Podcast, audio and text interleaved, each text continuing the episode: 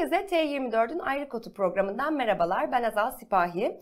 Ayrı Kotu'nun bu bölümünde konuklarım yine yeni yeniden 90'lar podcast'inin yaratıcıları, queer ve feminist akademisyenler İlker Hepkaner ve Sezgin İncel. Hoş geldiniz Sezgin ve İlker. Nasılsınız? Hoş bulduk. İyiyiz. Teşekkürler bizi davet ettiğin için. Hoş bulduk. Ayaklarınıza sağlık. O zaman ilk sorumla giriş yapıyorum ben. Herkesin çok severek hatırladığı 90'lar pop müziğine bir de biz bakacağız. 90'ların iyisine kötüsüne nur yağarken 90'ların hepsine geniş bir yelpazeden bakmak yerine gölgede kimler, hangi görüşler kalıyor biraz bunların peşine düşüyoruz. Feminist ve queer akademisyenler bu döneme baktığında neleri görüyor, neleri hatırlıyor, neleri eleştiriyor. Her hafta bunları konuşuyoruz. 90'lar Türk pop müziği bir şarkı listesine dönüşürken nostaljimizin kapısını aralayıp hatıraların etrafını hatırlatmalarla çerçeve çevreliyoruz diyorsunuz. Bu şiarla yola çıkıyorsunuz Ekim 2019'da ilk yayınınız. Peki bu podcast için bir araya gelişinizi anlatırken bir de hani sizler kimsiniz kendinizden de kısaca bahseder misiniz? Kim söz almak isterse. Ben başlayayım peki. Ben Seskin, e, müzikle uğraşıyorum, müzik yapıyorum. Müzik eğitimcisiyim aynı zamanda. Almanya'da yaşıyorum, Münih'te yaşıyorum. Ee, ve akademisyenim, müzik pedagojisi alanında akademisyenim. İlker'le tanışıklığımız 2010 yılına gidiyor. İstanbul'dayken, ikimiz de İstanbul'dayken tanışmıştık. O zamanlar ikimizin de kafasında yurt dışı hayaldi hı hı. öncelikle. O Amerika'ya gitmek istiyordu. Ben işte Almanya'da doktoramı yapsam falan filan diyordum. Ama e, şunu hatırlıyorum, biz ilk buluştuğumuzdan beri hep bir 90'ları konuşmuşuzdur. Hı hı. 2010'da da konuşuyorduk. Bence biz 2001'de tanışsak yine 90'ları konuşuyor olurduk. O ona dair hep böyle bir sohbetlerimiz oluyordu. İşte Sertab Erener niye şunu yapmış işte efendim Nil'in çıkış şarkısı şu mu olsaymış falan filan diye aramızda hep böyle bir şey yapardık. Fikir alışverişi yapardık. Ee, sonra aradan yıllar geçtikçe hayatlarımız farklı yerlere evrildi. İşte İlker Amerika'ya gitti, ben Almanya'ya gittim falan filan derken bir şekilde e, irtibatımızı sürdürdük ve ee, bir gün işte 90'larla ilgili bir belgesel seyrederken YouTube üzerinden ikimiz de eş zamanlı bakarken İlker dedi ki bizim anlatmak istediklerimiz, bizim konuştuklarımız bu belgeselde yok. Gel senle biz bir bunu beraber yapalım. Bunun bir podcast'ını yapalım dedi. Ben de tamam diyerek başladım. Peki neydi o konuşu yani bizim konuşmak istediğimiz o belgeselde olmayan şeyler? Evet belgesel çok e, kronolojik anlatıyordu Türk pop müziğini 90'larda. Yani hani şu tarihte şu albüm yayınlandı. Bu tarihte bu oldu falan gibi. Ben de e, kültürel çalışmalar doktorasını yeni bitirmiştim o zaman. Hani akademiyi bırakmıştım, başka şeyler yapıyordum ama hala e, o o heyecanı bir kere aldınız mı? E, kültürel bir şeyleri analiz etmeyi hani o hep içinizde kalıyor onu tekrar yapmak istiyorsunuz.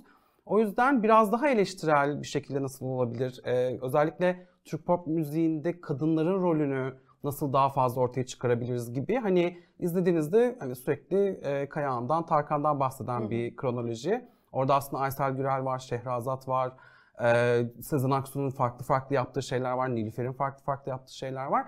O yüzden biraz daha bunlara e, e, odaklanan bir şey yapsak ne güzel olur dedik. Ondan sonra biraz da şeyin de tabii e, etkisi ve güveni oldu. Yani hem Sezgin'le çok uzun zamandır bu konuyu konuşuyoruz hem de onun masaya getireceği kimi şeyler var. Müzik pedagojisi alanında e, akademisyen olduğu için ve müzisyen olduğu için benim kültürel çalışmalardan getireceğim şeyler var. O güzel bir combo olur diye düşündük. O şekilde ortaya çıktı. Süper. İyi ki çıkmış. 90'lar e, kimileri için böyle özlemi çekilen o ah eski layık Türkiye, kimileri için ise suikastlerin, savaşların, katliamların olduğu, bu tarafıyla da yüzleşilmesi ve hesaplaşılması gereken zamanlar. Siz 90'ların Türkçe pop müziğine bakarken bunu queer feminist bir bakış açısıyla incelemeye çalıştığınızda neleri yapmaya, yapmamaya, hangi tuzaklara düşmemeye, neyi görmeye ve varsa neyi e, filtrelemeye çalışıyorsunuz? Ee, öncelikle e, şöyle bir şey var. Yani biz gölgede kalan şeylere çok bakmak istiyoruz. Çünkü bu 90'lar nostaljisinde yine hep gidilen insanlar, hep gidilen şarkılar belirli. Onun biraz daha ötesine geçmeye çalışıyoruz. Bu bir. İkincisi 90'ları süper hatırlayanlar e, ne güzel e, ama onlara da bir şey hatırlatmak istiyoruz. 90'lar o kadar iyi bir zaman değildi. Hı hı. E, zaten hani bizim ilk bölümümüz de öyle başlar. 90'larda olan bütün o korkunç felaketler, kötü olayları anlatarak başlar. Ve zaten onların da aslında pop müziğe etkisi çok fazla. Bunu bir iki yerde de konuşmuştuk, yazmıştık. Yani 90'lardan bahsederken Sivas katliamı ve daha sonra onun hakkında yapılan şarkıları konuşmadan olmaz aslında 90'ları konuşmak. E, böyle bir e, bunları hatırlatma e, amacımız vardı. Bir de aynı zamanda e, yine de işte 90'ları ne e, tamamen e, sonsuz yerip ne tamamen sonsuz övüp e, biraz da aslında o dengeyi tutturmak lazım. Çünkü evet e, bugünlerde kimi kazanımlarımız var, kimi eleştirel düşünce e, noktalarımız var. Ama aynı zamanda o zamanlar yapanlara da niye bunu böyle yapmadınız işte e, dememeye de çalışıyoruz. O zamanla biraz anlamaya çalışıyoruz. O zaman yapılan hataları bile. o zamanın bağlamında. Evet. Senin ekleyeceklerin var mıdır? Var şöyle 90'lar senin dediğin gibi çok e, politik açıdan harika kolay zamanlar değillerdi. Müzik açısından da bu kadar üretkenlik olmasına rağmen, bu kadar patlamalar olmasına rağmen e, o dönemin üretkenliği benim hatırladığım kadarıyla o dönem de sürekli takdir edilmiyordu. Biz bunun üzerine de konuşuyoruz. İşte her gün yeni birileri çıktı deniyordu mesela. İşte bu pop şarkıları kalıcı değil bunlar sabun köpüğü deniyordu. Saman kı- Alevi diyor. Saman Alevi deniyordu mesela. Evet keza gerçekten kimileri k- Saman Alevi oldu ama e, 90'lar bir dönem olarak şimdi bile konuşuyoruz. E, bambaşka bir imza attı. Bunları da konuşuyoruz. Yani düşmek istemediğimiz tuzak burada şey oluyor. Ah ne güzel günlerdi diye sadece bir yerden hepimiz buna çok yatkınız sanırım. Eskiye dair şeylerde kötüleri silip iyileri e, hatırlamaya bence yatkınız. Ee, bunu yapmamaya çalışıp işte eleştirel noktalarını da unutmadan biraz daha üç boyutlu bakmaya çalışıyoruz. Saman Alevi dedik. İlk bölümde saman alevlerini konuşmuştunuz 90'ların. Hatta daha ilerleyen zamanda onun ikinci bölümünü de yaptınız. Evet. Ee, sonra hemen sizin de konuşmayı çok sevdiğiniz tırnak içerisinde kötü kadınlar e, geldi 90'ların. Ee, peki 90'larda bu kadınlar ne yapıyorlar da kötü oluyorlar? 90'ların e, müzisyen kadınları. Peki günümüzün tırnak içinde kötü kadın ilan edilenleri kimler? Ve e, 90'ların işte tırnak içinde yine kötü kadınlarıyla zamane kötü kadınlarının benzerlikleri ve farklılıkları neler oluyor? Ben başlayayım istersen. Şöyle hatırlıyorum. Biz şimdi bu bahsettiğimiz ilk konuşmada ki Facebook üzerinden gerçekleşmişti. İşte İlker dedi ki podcast yapalım mı? Ben dedim ki olur. Hiç beklemeden. Ve biz gerçekten direkt o an bir şey e, Google'dan işte bir şey üzerinden Google Docs üzerinden söyleyebiliyor musun bilmiyorum. Söyleyebiliriz, Tamam. söyleyebiliriz. Ee, beraber çalışmaya başladık. İşte e, hangi konuları yapsak bir 8 bölümlük şöyle bir şey çıkarmaya başladık. Ve ben o an e, aklıma kötü kadınlar geldi ama hani bölüm adı olsun diye de gelmedi aslında. Hani o an böyle hemen bir, bir şey söylesem İlker onu anlasa gibi hissettim ve gerçekten anladı. Kötü kadınlar vardı hatırlar mısın? Hemen aynı isimler üzerinde konuşmaya İsimlerini başladık. de geçirerek Mesela Ayşegül Aldinç vardı, Aysel Gürel vardı, Özlem Tekin vardı. Sonraki bölümlerde Ayça Şen'i konuştuk, Defne Joy Foster'ı konuştuk. Sen hatırlat Banu? Alkan. Banu. Alkan'ı konuştuk. Biraz daha orada ana akım medyada, biraz da benim anladığım kadarıyla o ana akımın içinde bir şekilde yer alan, evet, herkese hitap eden, belki herkesin merakla takip ettiği ama bir taraftan da böyle bir içten içe ya yadırgadıkları ya kötü bu kadınlar, hani bizim televizyondalar onlar okey ama bizim hayatımızın içinde olmasınlar gibi bir yerden de insanların yaklaştığı bir yer üzerinden kurguladık. Zaman üzerinde fark ettik ki bu queer tanımıyla, kavramıyla da çok uyuşuyor aslında. Ve bu kadınlar e, bu anlamda da bize çok ilham olmuşlar. Çemberin dışında oldukları için, e, farklı düşünmeyebildikleri için. e, çemberin dışında olmak, farklı düşünmek dedin. Peki onları e, kötü yapan diğer şeyler neler? Onları kötü yapan şeyler aslında biz onları kötü diye tanımlamıyoruz. Evet. Medyanın kendisi tanımlıyor ve medya genelde e, kendi e, cinselliğini e, e, göstermekten korkmayan kadınları ya da kendi hayat biçimlerini göstermekten korkmayan kadınları kötü olarak e, e, onlara bu bu kötü e, sıfatı veriyor diyebiliriz. Yani mesela e, konuştuğumuz örneklerden bir tanesi Ayşegül Aldinç. Bakıyorsunuz o zamanki gazetelere Ayşegül Aldinç'in işte giydiği kıyafetler e, sürekli konuşuluyor ve işte ne kadar açık olduğundan bahsediliyor. Bir yandan Türkiye'nin en seksi kadını deniyor ama bir yandan yine işte kendini şöyle gösterdi diyorlar. Ya da e, özel hayatını e, tasvip etmediklerini e, böyle satır aralarından dahi okuyabiliyorsunuz küçücük haberlerde dahi. Ondan sonra böyle bir dinamik var aslında. Kötü kadınların e, Sezgin dediği gibi e, oradalar. E, çok önemli şeyler yapıyorlar ama medya sürekli onlara böyle bir siz aslında hani o diğerleri gibi değilsiniz e, mesajını sürekli veriyor. E, öyle bir e, tanımda yapabiliriz kötü kadınlar için. Anladım. Ee, makbul dışı gibi Evet, de bir evet, yandan. evet. Peki günümüz e, yine tırnak içinde diyeceğim yani bahsettiğiniz o kötü kadınları kötü yapan e, bu aslında güzel özellikler Evet, evet. Ee, mesela günümüzün kötü kadını Gülşen ilan edildi Evet. diyebilir miyiz? Çünkü Evet. bahsettiğin tüm hani bu e, işte gi- giyimiyle ya da neyse artık anneliği kutsama yaşıyla vesaire falan filan Ee, ve de tabii ki de bu e, başına gelenlerden dolayı aslında Gülşen'in en çok kötü kadın herhalde e, en güncel anlamıyla ilan edildiğini belki söylemek mümkün. Aklınıza başka gelen kimseler var mı yine günümüzden ör- isim olarak? Ya Aleyna Tilki de hemen kötü Tabii kadın evet son ilan ediliyor. zamanlarda evet. Evet, programa konuk ettiğimiz e, Nez var mesela. Tabii, Evet, tabii, evet, tabii. Hadiseden konuştuk. Evet, evet, evet. Evet. Ee, bir de şöyle bir şey var. Hani senin sorularından bir tanesi de şey diye 90'lardaki kötü kadınlarla şimdiki kötü kadınlar Hı hı. arasında nasıl bir fark var? Nasıl bir benzerlik var? Farklardan bir tanesi şu an kötü kadın addedildiklerinde e, haklarında yar- yargısal şeyler olmaya başlıyor. Yani Ayşegül Aldınç işte öyle giyindiği için o Evet. kadar fazla tepki çekmemişti ya da e, Banu Alkan istediğini yaptığı için, istediği gibi şovlar yaptığı için e, insanlar hani e, en azından yargıyı davet etmemişlerdi. Emniyet güçlerini davet etmemişlerdi. Onun hizaya alınması, çemberin içine çekilmesi için ama Gülşen'de çok net gördük. Ee, hani pek çok nedenden dolayı e, işte önce e, yani bir, bir sürü yasaklar ge- geldi. Ondan sonra yavaş yavaş onlar daha sonra kaldırıldı ama e, büyük bir yargısal e, cendereden geçti diyebiliriz. Hı, hı hı. Sizinle beraber Mental Cultures için bir e, bölüm kaydetmiştik sorunlu şarkı sözleri. Bunu 2020 Kasım'ında yayınlamıştık. Ondan sonra geçtiğimiz günlerde de bunun ikinci kısmını, devam bölümünü kaydettik. Ee, 90'larda ve daha sonrasında dinlerken fark ettiğiniz, rahatsız olduğunuz belki ama tam olarak neden rahatsız olduğunuzu bilmediğiniz ya da o zamandan beri eleştirdiğiniz şarkı sözleri var. Siz queer feminist akademisyenler olarak şarkı sözlerinin gücüne dair neler söyleyebilirsiniz?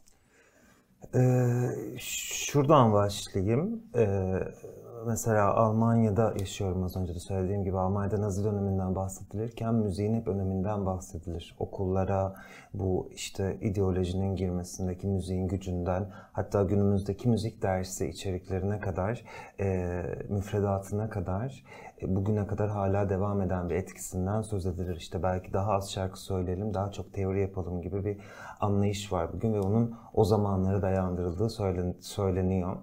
E, bu anlamda müzik, şarkıların sözleri çok güçlü, pop müzik çok güçlü. E, hiçbir zaman biz bir yerden hani yasaklayalım bu şarkılar söylenmesin gibi bir yerden konuşmadık ama bir şeylerin farkında olmak, bir şeylerin nasıl içselleştirilmiş olduğunu farkında olmak bence çok önemli. Bu çünkü ben iki türlü işleyen bir şey olduğunu düşünüyorum. Bir, e, aslında o şarkıları yazan insanlar bir şekilde toplumda o an normal olduğu düşünülen algı neyse onu şarkılarına yansıtıyorlar. Farkında olmayabiliyorlar ne kadar toksik bir söz yazdıklarını. E, ikinci boyutu da o tekrar geri dönüyor insanlara ve tekrar bir etki yaratıyor ve bu e, bir yerden sonra bir kısır döngüye giriyor sanırım. Belki bizim bu programı yapmamızdaki e, amaçlarımızdan demeyeyim ama düşüncelerimizden biri de sanırım belki de bu döngüyü birazcık kırmak için bir çaba sarf etmekti diye düşünüyorum. Ben bu anlamda çok güçlü olduğunu düşünüyorum. Müziğin, şarkı sözlerinin insanları etkilemesinde, insanların kafasına bazı tohumlar ekmesinde çok güçlü olduğunu, o yüzden de konuşulması gerektiğini düşünüyorum. Ama şöyle bir yerden değil, yanlış yapmışsın ve kesinlikle hayır, seni dinlemeyeceğiz, iptal ediyoruz gibi bir yerden değil. Aksine konuşulsun, konuşalım, öğrenelim, ben de öğrenim, sen de öğren, hepimiz öğrenelim ki yavaş yavaş değişsin. Evet bir de aynı zamanda e, yani genel olarak kültür endüstrisinin bence e, kendine has bir e, şeyi, e, bir öğesi şarkılar, pop müzik.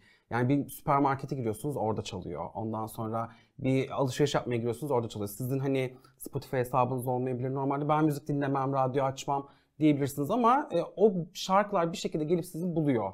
O yüzden e, o şarkıların yapıldığı bağlamın orada o zaman neler e, daha çok konuşuluyorsa, neler daha çok makbul görülüyorsa onun tekrardan üretim üretilmesi kesinlikle yaşanıyor. Bu e, Hitler zamanında faşizm de olabilir. Daha sonra e, kapitalist e, eşitsizlikler de olabilir. Yani bunlar sürekli farklı farklı ideolojiler bir şekilde kültür endüstrisini kullanarak insanlara kendilerini e, kabul ettirtiyorlar aslında. O yüzden e, o yüzden çok önemli aynı zamanda şarkılar. Kaçamıyorsunuz, e, her yerdeler ve bizim de Sezgin dediği gibi amacı hem öğrenmek hem de o şarkıları yapanları belki biraz daha düşündürtüp e, biraz daha ya ben bunu böyle yazdım ama acaba yapmasam mı ya da e, daha iyiye daha iyi bir etki etmesi için nasıl şarkılar yazmalıyım diye düşündürtmek de çok önemli. Yani e, kültür endüstrisini ortaya çıkaranları da biraz e, uyarmak istiyoruz. E, hem dinleyicilere Aa, bu böyleymiş dedirtmek ama aynı zamanda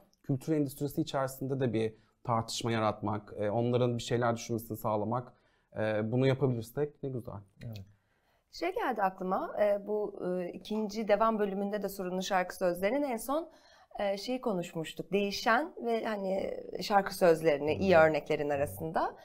Mesela işte hani aslında bu şarkı sözünün gücünden dolayı kimi sanatçılar o sözü değiştirme gereği hissediyorlar. Üzerine tekrardan düşündükten sonra belki yıllar geçtikten sonra belki bazı eleştiriler aldıktan sonra. Şu an şunu fark ettim bu örneklerin hepsi kadındı. Hmm. değişen şarkı evet, sözleri. Evet. İşte Alanis Morissette'yi konuştuk. E, Spice Girls'ü konuştuk, Nüket Duru'yu konuştuk, Kalben'i konuştuk. Hı. Acaba hani e, hani bunda, bu kişilerin de güncel olarak kadın beyanları olduğunu varsaydım ama e, değişimi acaba daha mı e, bu dönüşmeye açık diye de aklımdan geçmedi değil.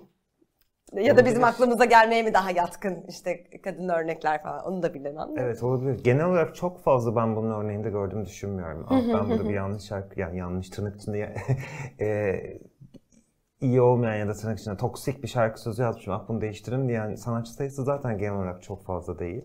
Hani aralardan cımbızlı örnekler seçerek zaten bulduk. Ee, bilmiyorum belki de dediğin gibi tesadüf değildir bunlar. Yani zaten bu örneklerin e, neredeyse hepsi aslında ee, özellikle e, toplumsal cinsiyet konusundaki farkındalıklara dair e, değişiklik örnekleri evet. ve o farkındalığın zaten geldiği noktada feminizm. Hı hı. Yani hani e, o yüzden kadınların bunda önce olması kadar e, doğal bir şey yok ve hani o yüzden e, bunu görüyoruz. Umarım diğer herkes de e, onları takip eder. Evet. Bu arada şunu da eklemek istiyorum. Sorunlu şarkı sözü bize pop müzik üzerinden konuştuk. Bizim podcastimizin formatı o olduğu için seninle de o konu üzerinden konuştuğumuz için ama sadece pop müziğe özgü bir şey de değil. Klasik müzikte de eski operalara baktığında da çok sorunlu hikayeler, şarkı sözleri var. Çocuk şarkılarında keza ki son bölümde konuşmuştuk. E, ben işte üniversitede Almanya'da öğrencilerimle şarkıları incelerken işte bir sürü şeyler fark ettik. İşte çamaşır yıkanan kişiden kadın olarak bahsediliyor mesela falan gibi. E, bunu sadece pop müzik değil büyük anlamda da düşünmek bence önemli. Bunu da eklemek istedim.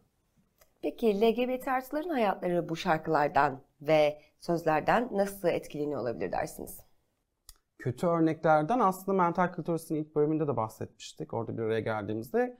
E, direkt aslında LGBT artı kimlikleriyle e, dalga geçen şarkılar var. Mesela e, Mustafa Sandal'ın Top şarkısı. Hı hı. Bu e, çok fazla e, zorbalıkta kullanılan bir şarkı. Hala kullanılmaya devam ediyor. O var mesela. O yüzden e, kim sorunlu şarkı sözleri aslında gerçekten sözel şiddeti e, bayağı uygulayan şeyler. Hı hı. Onlara destek veren, onlara araç olan şeyler. O yüzden e, böyle bir şey geliyor aklıma. Ama e, iyi örneklerde eminim vardır.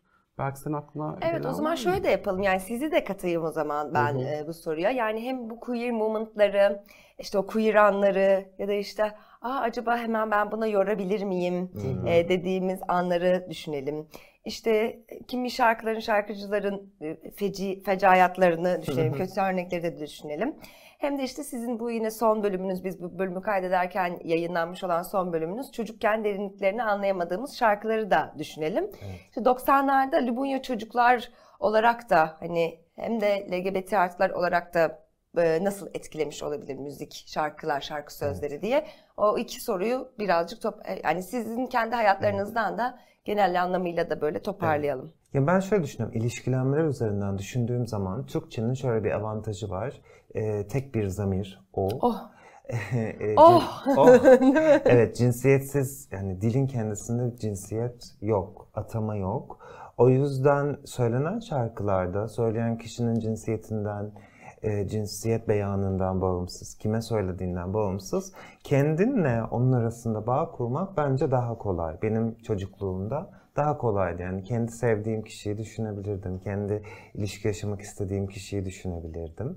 Bu bence İngilizce şarkılarda yani yabancı ne zaman ki işte e, uluslararası pop şarkılarını dinlemeye başladım hep fark ettim ki işte e, işte he olanlar she olarak söylüyor aşk şarkılarını. She olanlar he olarak söylüyor. Mesela günümüzde belki yavaş yavaş Yani bu da heteronormatif bir hitap var Çok şarkılarda. heteronormatif bir hitap var.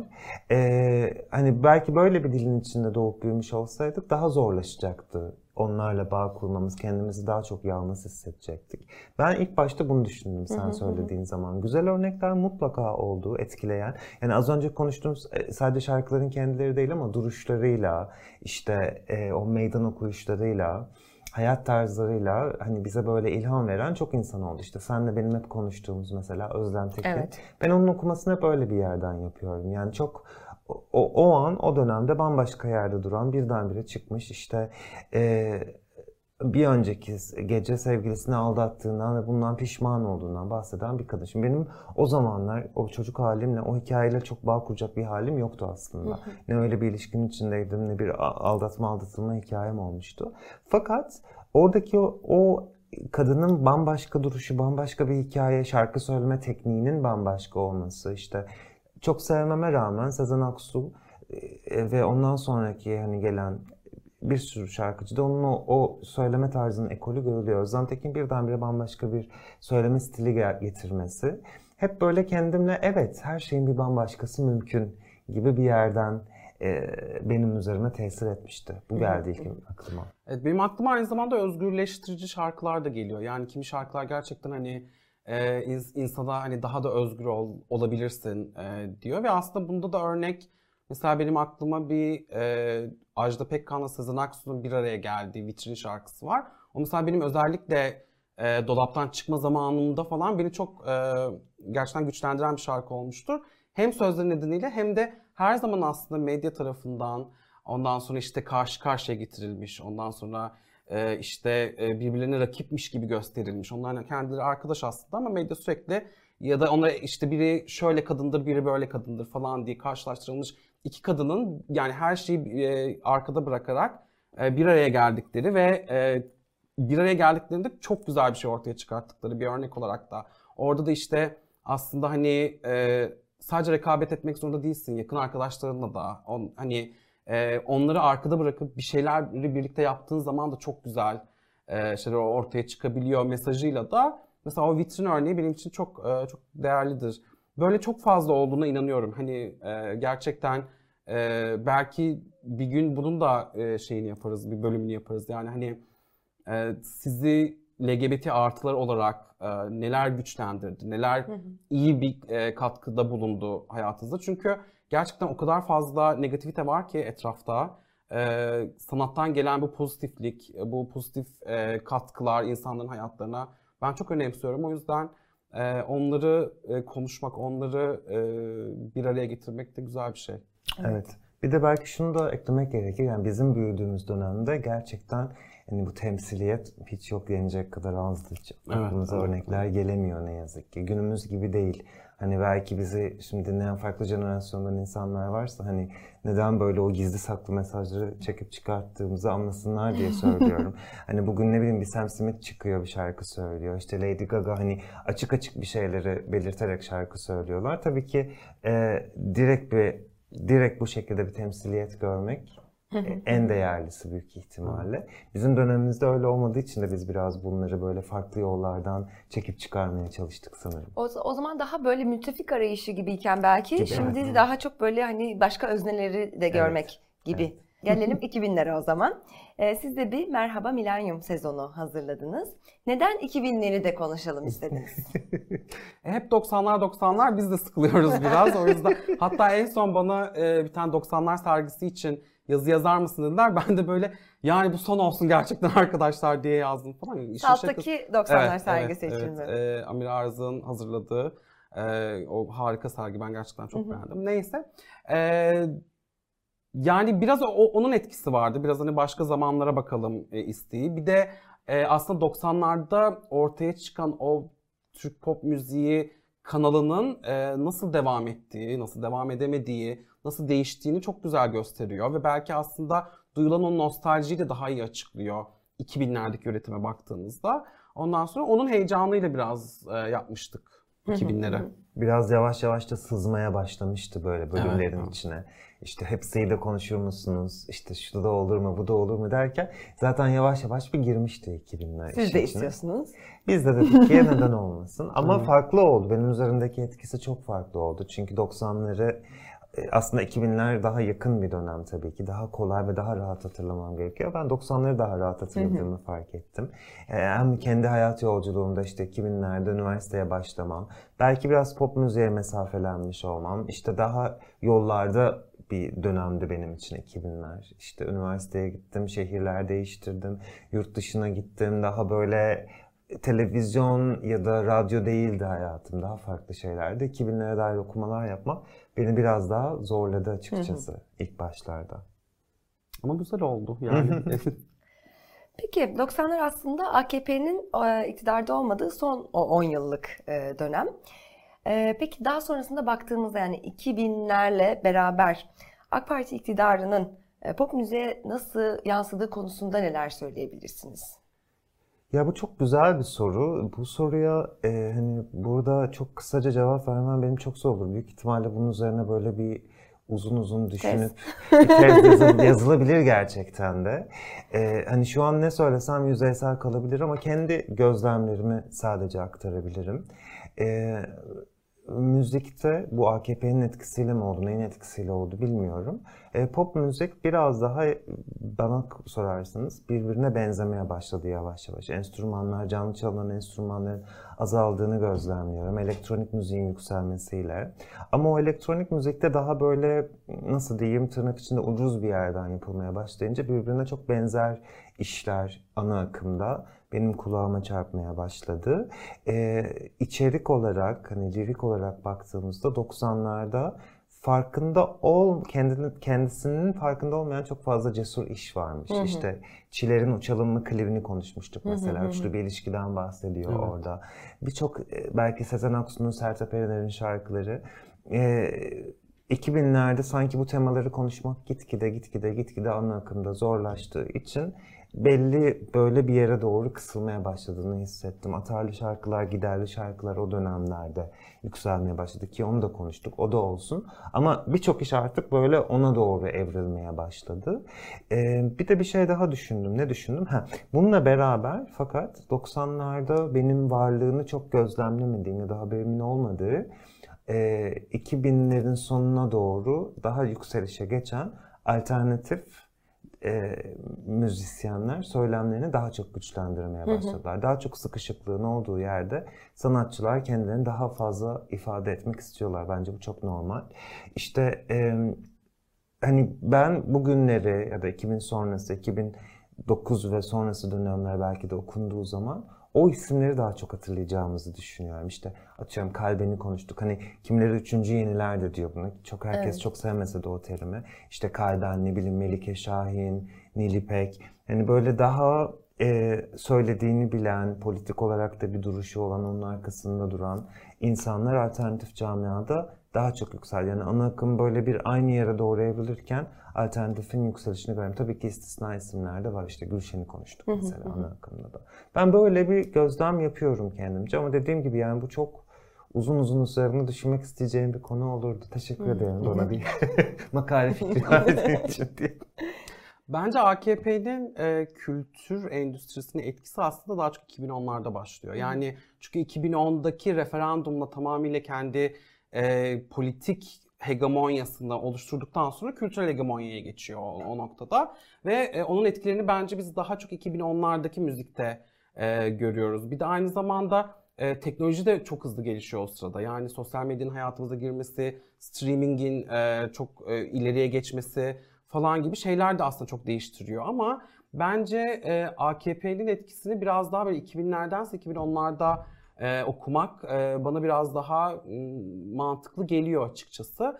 E, ama kesinlikle o kültürel e, hegemonyanın oluşmasıyla yeni e, starlar, işte yeni e, popüler e, şarkılar ve şarkı stilleri ortaya çıkıyor. Ama bir yandan da konuların daralması, ondan sonra konuların ayıklanmaya başlanması e, gibi e, ana akımda e, şeyler de ol, e, oluyor. Şu an e, en çok dinlenenlere baktığımızda ise e, bambaşka bir janra var artık. Rap en çok Evet, dinleniyor Türkiye'de. Doğru. Ondan sonra onun da e, yani e, hem politik hem de bence e, hem kültürel hem de teknolojik nedenleri olduğunu düşünüyorum. O da e, kesinlikle çok ilginç bir e, araştırma konusu olabilir gerçekten. Ama e, AKP e, belki AKP olmasaydı da değişecekti yine zaten pop müzik. O yani o, o, o kısmı da var bence. Evet. Anladım. Ee, demin söylediniz aslında yani 90'lar hep 90'lar 90'lar konuştuk diye birazcık 2000'leri de konuşalım dediniz. Peki bu 90'lar çerçevesinin sınırlayıcılığı oluyor mu başka e, şeylerde de? Ya da şöyle de sorayım. E, bugün yine yeni yeniden 90'ları yine yeniden e, kurgulasanız en başından Hmm. e, farklı yapardık dediğiniz e, şeyler var mı? En başından beri şunu yapsaydık, şunu sonradan kattık da olabilir gibi. Hmm.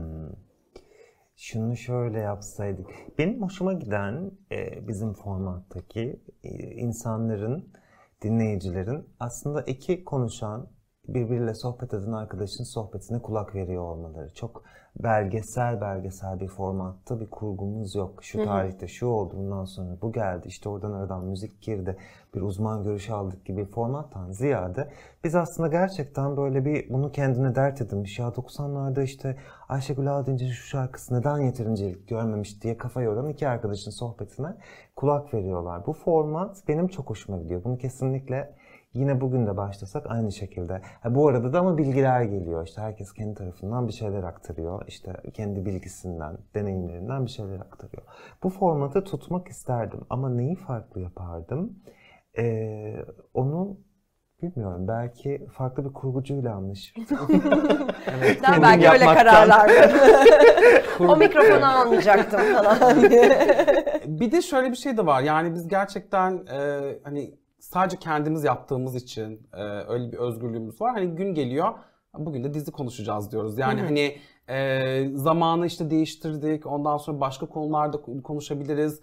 E, en son işte Beyoncé'nin e, son albümünü konuştuk çünkü onu Evet. istedik falan. Aslında e, yani isim biraz e, sırf 90'lar gibi gösterse de biz başka şeyler de yapıyoruz artık ve kendimizi böyle bir şey baskı altında da hissetmiyoruz. Aman şu olmasın falan.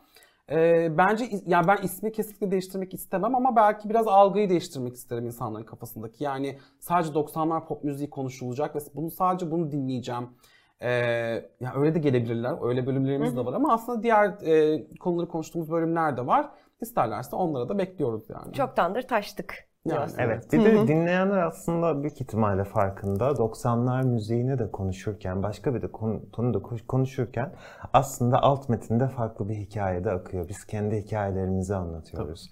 Kendi çocukluklarımızı, gençliklerimizi, yaşadıklarımızı, bir dönemi kendi gözümüzden müzik aracılığıyla anlatıyoruz aslında. O yüzden arada 90'lar yerine işte Lady Gaga bölümü de yapsak, Beyoncé bölümü de yapsak o kısmı korunuyor. Alt metin kısmı korunuyor. Oradan bir bağ çıkıyor. Ama ekşi sözlükte işte Lady Gaga bölümüyle Beğenmeyenler olmuş. evet bir şey yapalım ne alaka dedirtmiştir diyenler de oluyor. Yine de açık kalmasını tabii ki destekliyorum.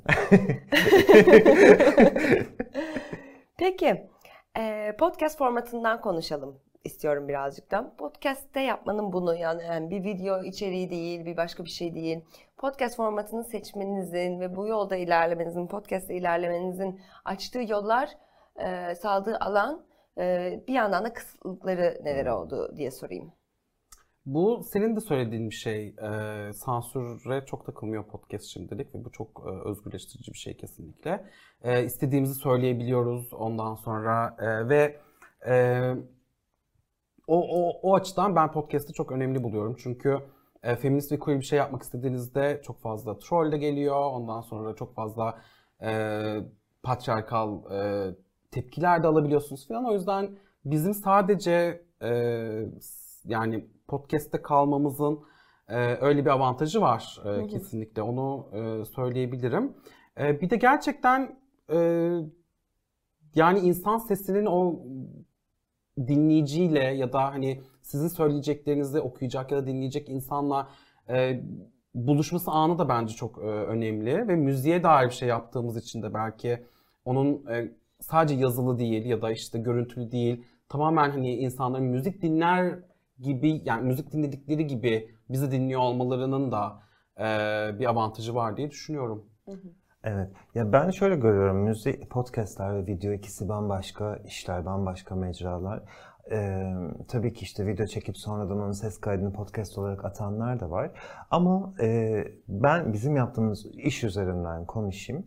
E, konuya tam olarak odaklanmamı sağlıyor. Hiçbir diğer elementleri düşünmediğim için bugün şunu mu giyseydik, bunu mu yapsaydık, işte arka fonumuza şunu mu koysaydık gibi şeyleri düşünmediğim için ben zaten konuşurken anlatıcı olarak konuya tam olarak odaklanıyorum. Hatta biz genelde kaydederken birbirimizi de videolu konuşmuyoruz. Hı, Gerçekten anladım. sadece dinliyoruz birbirimizi. Ee, bunun hem hayal gücünü, e, insanların hayal gücünü çok fazla e, güçlendirdiğini düşünüyorum. Hikayenin içine kendilerini de katarak çok daha fazla girebildiklerini düşünüyorum. İkinci hoşuma giden kısmı da dinleyicilerden gelen tepkiyle fark ettiğim bir şey. Daha çok günlük hayatlarının içine sızıyoruz aslında. Çünkü YouTube'da bir video seyretmek ya da herhangi başka platformda video seyretmek için %100 konsantrasyonlarını oraya vermeleri gerekiyor. Yani en fazla belki ne bileyim işte fasulye ayıklanabilir bir taraftan bir şeye bakarken ama podcast dinlerken yürüyüşe çıkmış olabiliyorlar, bulaşık yıkıyor olabiliyorlar, işte bambaşka bir ruh halinde, bambaşka bir yerde olabiliyorlar ve onlara eşlik edebiliyor olma fikri benim o şekilde de çok hoşuma gidiyor. Videonun da kendine göre daha farklı avantajları var, daha farklı e, hitap edebilme şekilleri var. Ben ikisini hep böyle ayrı ayrı değerlendiriyorum. Belki işte e, sen Münih'tesin, İlker New York'ta yaşıyor. Tabii, Bu anlamda da teknik evet, anlamda da kolaylıkları olabilir. Tabii. Şimdi yine aslında uzaklıkla alakalı bir Evet. soru soracağım size. E, yurt dışında yaşıyorsunuz. İşte Türkiye'de olan bitene dair ağırlıklı olarak Türkiye'de yapılmış müziklerden konuşuyorsunuz bu podcastinizde. E, yani bir de bir hani Türkiye'de Türkiye ya hani gerçekten böyle işte e, uzaktan Türkiye'de değilken, Türkiye üzerine bir şeyler yaparken bunun karşılığı, uzakta olmanın karşılığı sizde neler oluyor? Yani bir şey yaşandığında bunun üzerine söz söylemeye de çalışırken, işte hani bunu yaptığınız, ürettiğiniz podcast'te de yansıtmaya çalışırken o Türkiye'de olmama durumunun sizde hissettirdikleri üretiminizde yansımalarını sormak istiyorum. Öncelikle ben şuradan başlayabilirim. Zaten günlük hayatımıza yansıması var. Birçok yurt dışında yaşayan arkadaşımla da konuşurken aynı e, şeyleri hissettiğimizi görüyorum. E, biz ikimiz de hani orada doğduk, doğup büyümedik. Yani ömrümüzün büyük kısımları yine burada geçti. Arkadaşlarımız, birçok arkadaşımız hala burada, ailelerimiz burada. O yüzden bir yanımız zaten buradan hiç gitmiyor. Senin de dediğin gibi Türkiye'de zaten gündem canlı sürekli bir şeyler oluyor sürekli. Onları takip ediyoruz. Hani e, belki burada yaşayan bir insandan o anlamda çok fazla, fazla farkımız da kalmıyor bazen. Yani tüm gün Twitter başında, haberlerin başında okuyup yorum yapıp fikir alışverişi yaparken o anlamda farkımız kalmıyor. Ama ne zaman ki orada sokağa çıkıp günlük hayatıma devam etmeye çalıştığım zaman o gerçeklik yüzüme çarpıyor. Çünkü insanların umurunda değil. İşte atıyorum buradaki depremler olduğunda tabii ki soranlar oldu, edenler oldu. işte mesaj atanlar oldu ama genel olarak hayat tabii ki onların da haklı olarak e, normal bir şekilde sürdürüyorlar hayatlarını. E, bunun getirdiği bir ağırlık oluyor üzerimizde ve bir şey söylerken çok dikkatli olmaya ben kendi adıma çalışıyorum tabii ki birilerinin alanını kapatmamaya çalışmaya ya da birilerinin adına bir şeyler hani kendim böyle işte ayrıcalıklı ve rahat bir konumdayken e, başkalarının adına burada bir şeyler söylüyormuş gibi olmak hisset, istemiyorum. Diğer taraftan da dediğim gibi yani bizler burada doğduk, büyüdük. Hani e, havasını, suyunu buradan solduktan sonra haberleri de aynı şekilde aynı düzeyde takip ettikten sonra bir taraftan da çok doğal geliyor orası hakkında hala kafa yoruyor olmaya çalışmamız. Bizim de buna ihtiyacımız var. 90'ların çıkma sebeplerinden bir tanesi de o. Yani biz orada bu konuları belki de konuşacak tartışacak, bizi anlayacak insanlar bulamadığımız için Evet de belki o göçmen deneyiminin de sizi Tabii. 90'ları konuşmakta hani e, birleştirdiği bir şey vardır. Tabii ki, kesinlikle. Yine de podcast üzerinden konuşursak hani gündeme çok fazla girmemeye çalışıyoruz Çok zaten. evet, evet. Hani belki böyle bölüm başında çok kısa bahsediyoruz ama ondan sonra konuya odaklanmaya çalışıyoruz. Ee, biraz dikkat, ben kendi adıma tabii ki söylem üretirken dikkatli olmaya çalışıyorum insanları kırmamak için, yanlış anlamamaları için vesaire ama kafam burada tabii ki. Yani evet hani biz e, Türkiye'den başka yerde yaşıyorum diye e, Türkiye hakkında bir şey yapmayacağım, söylemeyeceğim. E, ben zaten hani bir şey Türkiye hakkında bir şey söylediğim zaman ben kimseye bir susturmuyorum da ben söylüyorum. Onlar da söylesin. Yani hani e, ö- öyle bir olay da var ya hani o yüzden hani biz üretmeye devam ediyoruz Türkiye'ye dair ve e, Türkiye'de olanlar hayatımızı birebir etkiliyor. Çünkü Sezgin de dediği gibi hani e, hala bir bağımız var, hala sevdiğimiz insanlar burada. O yüzden e, ben böyle çok e, kopartabileceğimizi düşünmüyorum. Ama e, göçmen deneyiminin ya da başka bir yerde yaşamanın da e, belki de yaptığımız işlere bir katkısı da var. Sonuçta hani oradaki bir şeyi e, hani kendi kendini e, oryantalize etmeden, ondan sonra aa bakın burada daha güzeli var demeden, onların gerçekten iki bağlamını e, ayakları yere basar bir şekilde e, karşılaştırarak ve güzel örnekleri e, anlatarak ya da kötü örnekleri anlatarak e, aslında bence Türkiye'deki e, tartışmalara da katkımız olabilir. E, ben o yüzden e, yani Türkiye'de Türkiye'nin dışında yaşayan insanlar Türkiye hakkında konuşmasın e, şeyine katılamıyorum açıkçası. Hani bu beni susturacak bir şey de değil. Hmm. E, zaten hani biz konuştuğumuzda dediğim gibi hani başkanı da susturmuyoruz. O yüzden. Bence onun e, farkına varılması e, çok önemli. E, her şeyin eksisi artısı var. E, artılara daha çok odaklanarak iyi bir şeyler herkes yapmaya çalışabilir diyor düşünüyorum ben. Evet ama şöyle örnekler de oluyor. Orada sanırım e, hani senin kastettiğinden farklı olarak biz de sınırlarımızı herhalde biliyoruz ya da farkında olmaya çalışıyoruz diyebilirim. Mesela bir platformdan bana hani bir röportaj teklifi gelmişti pandemi döneminde. Türkiye'li müzisyenler ve çektikleri sıkıntılar.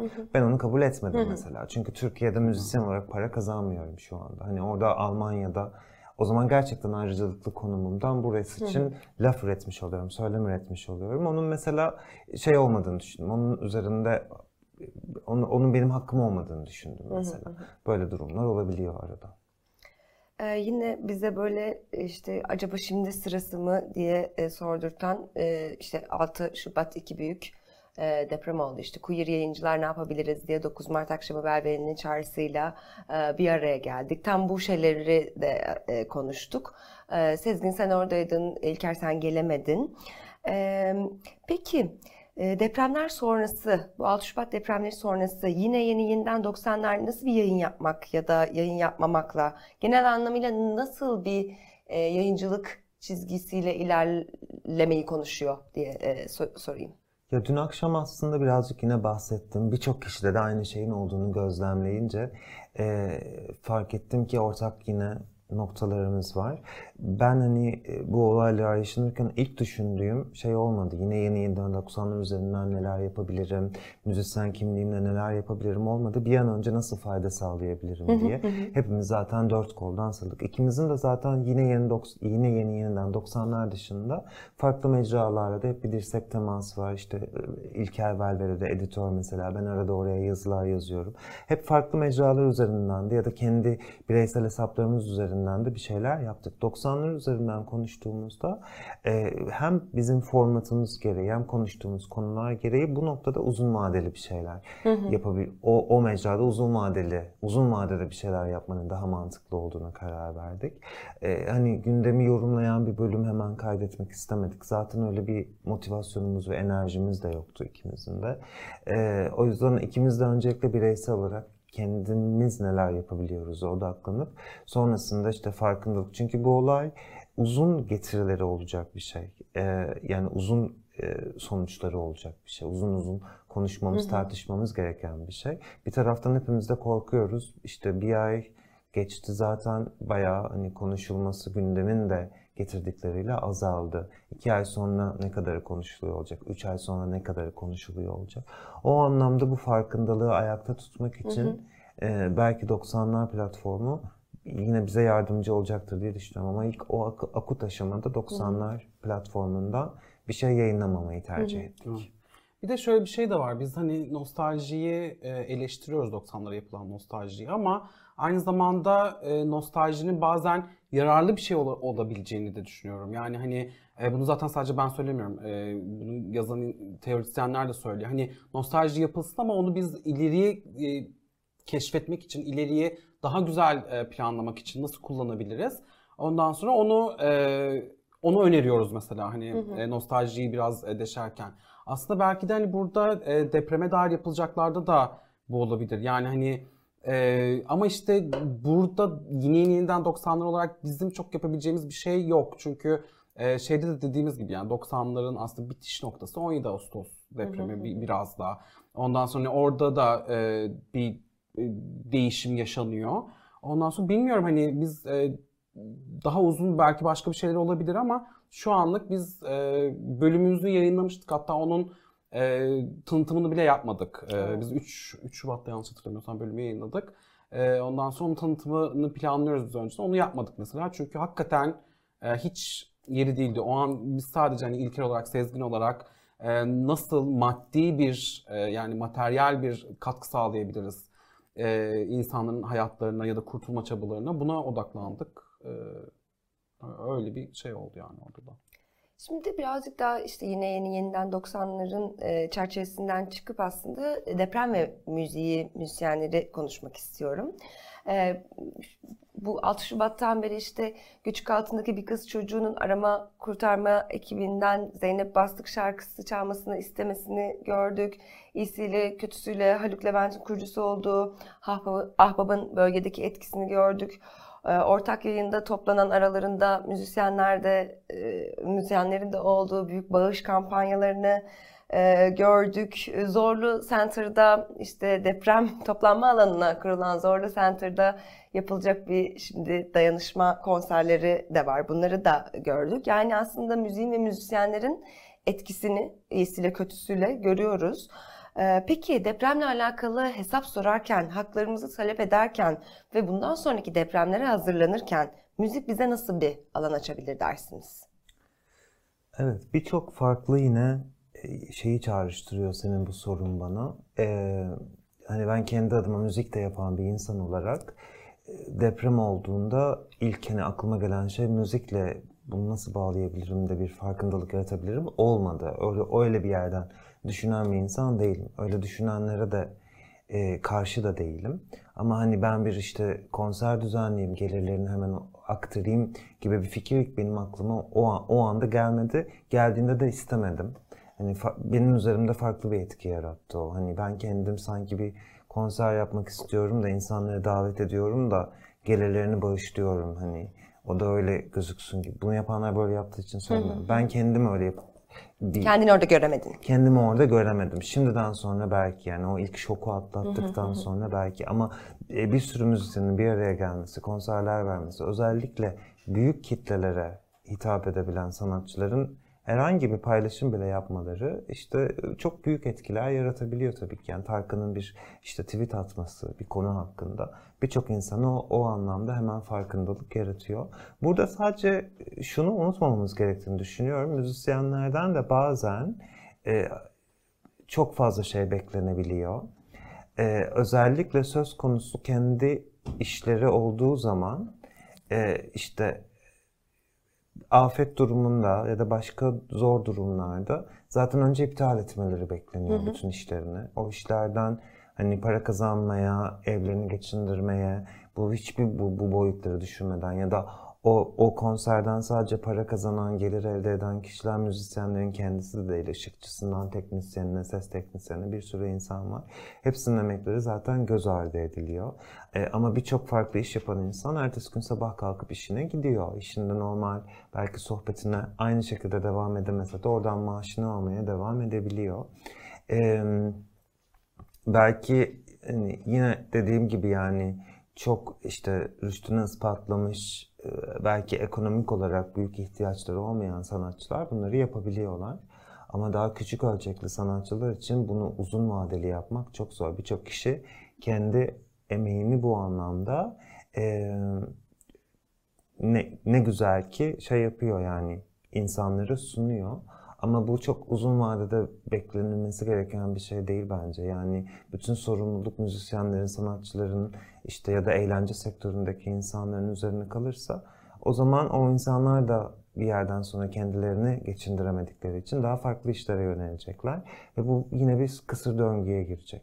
Bunları çağrıştırdı senin sorun bana. Müzik dinleyici olarak tabii ki insanları işte yatıştırdığı, duygularına ayna tuttuğu, belki keyiflendirdiği, eğlendirdiği için e, tabii ki hepimizi birbirine bağlıyor yani depremzede bir arkadaşımla ben de müzik üzerinden hala sohbet edebiliyorum. Hı hı. Onun da buna ihtiyacı olduğu için ya da o bu sohbeti başlatabildiği için o anlamda müzik zaten hep bir tutkal etkisi yaratıyor bence.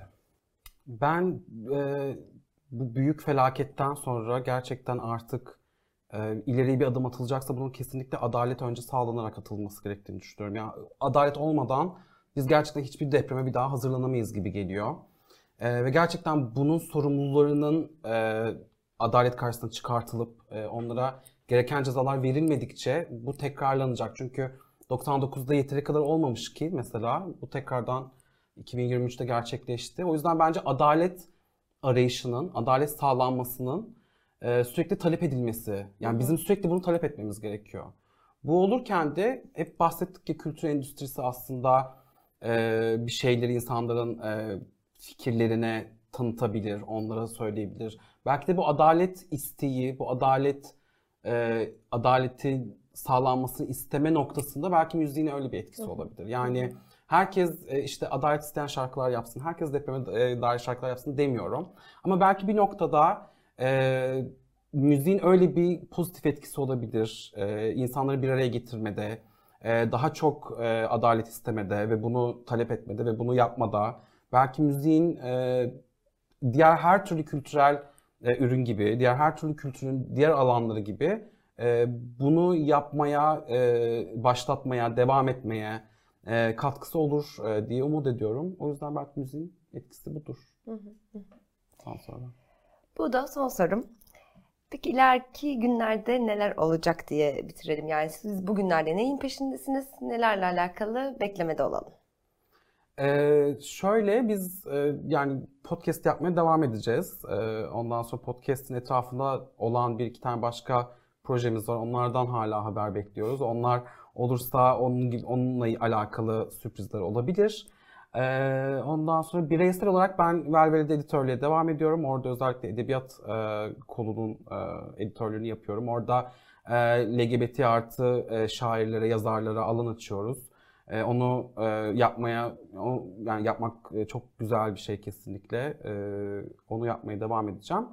E, benim bir de hani kendi yazma projelerim var. Onların da e, kimilerinde işte kimi tarihler var e, sene içerisinde. E, ama onları da hala söyleyemiyorum. Ama işte yani bayağı bir şeyler hazırlıyorum bakalım. E, hem yani Sezgin'le hem e, Velveli'yle hem de tek başıma. E, o yüzden e, ileriki zamanlarda daha çok yazıp, daha çok araştırıp, daha çok yine yeni yeniden 90'lardaki gibi e, okuyanları e, şeyler düşünmeye iten, bir şeyleri değiştirmeye iten şeyler yapmaya devam etmek istiyorum. Umarım devam edebilirim bu sene içerisinde de. Evet 90'larda zaten en son sezona başlarken biraz daha 90'lar artı gibi bir yerden e, kurgulayıp hani yine 90'lar evet ana temamız ama başka şeyler de girecek artık bunun içine diye bir yerden başladık. O eksende bölümler devam edecek. Benim de kendi bireysel olarak yaptığım müzik çalışmaları var. Onlar devam edecek. Bir albüm yapmak istiyorum. Onun çalışmalarına başladım. O büyük ihtimalle zaten çok fazla vaktimi alacak. İşte e, onun dışında derslerim var, üniversite var. Böyle güzel etkinlikler var. Devam. Süper. Çok çok teşekkür ediyorum. Ağzınıza ayağınıza sağlık. Ee, sizin başka eklemek istediğiniz bir şey yoksa ben kapanış yapacağım. Çok çok sağ ol davet ettiğiniz için. Biz teşekkür ederiz davet için. Tekrardan iyi ki geldiniz. Ee, yine yine yeniden 90'lar e, yaratıcıları İlker Hepkaner ve Sezgin İncel konuğumuzdu. E, onlarla beraber podcastlerini konuştuk, 90'ları konuştuk. E, izlediğiniz için teşekkür ederim. Bir sonraki bölümde buluşmak üzere.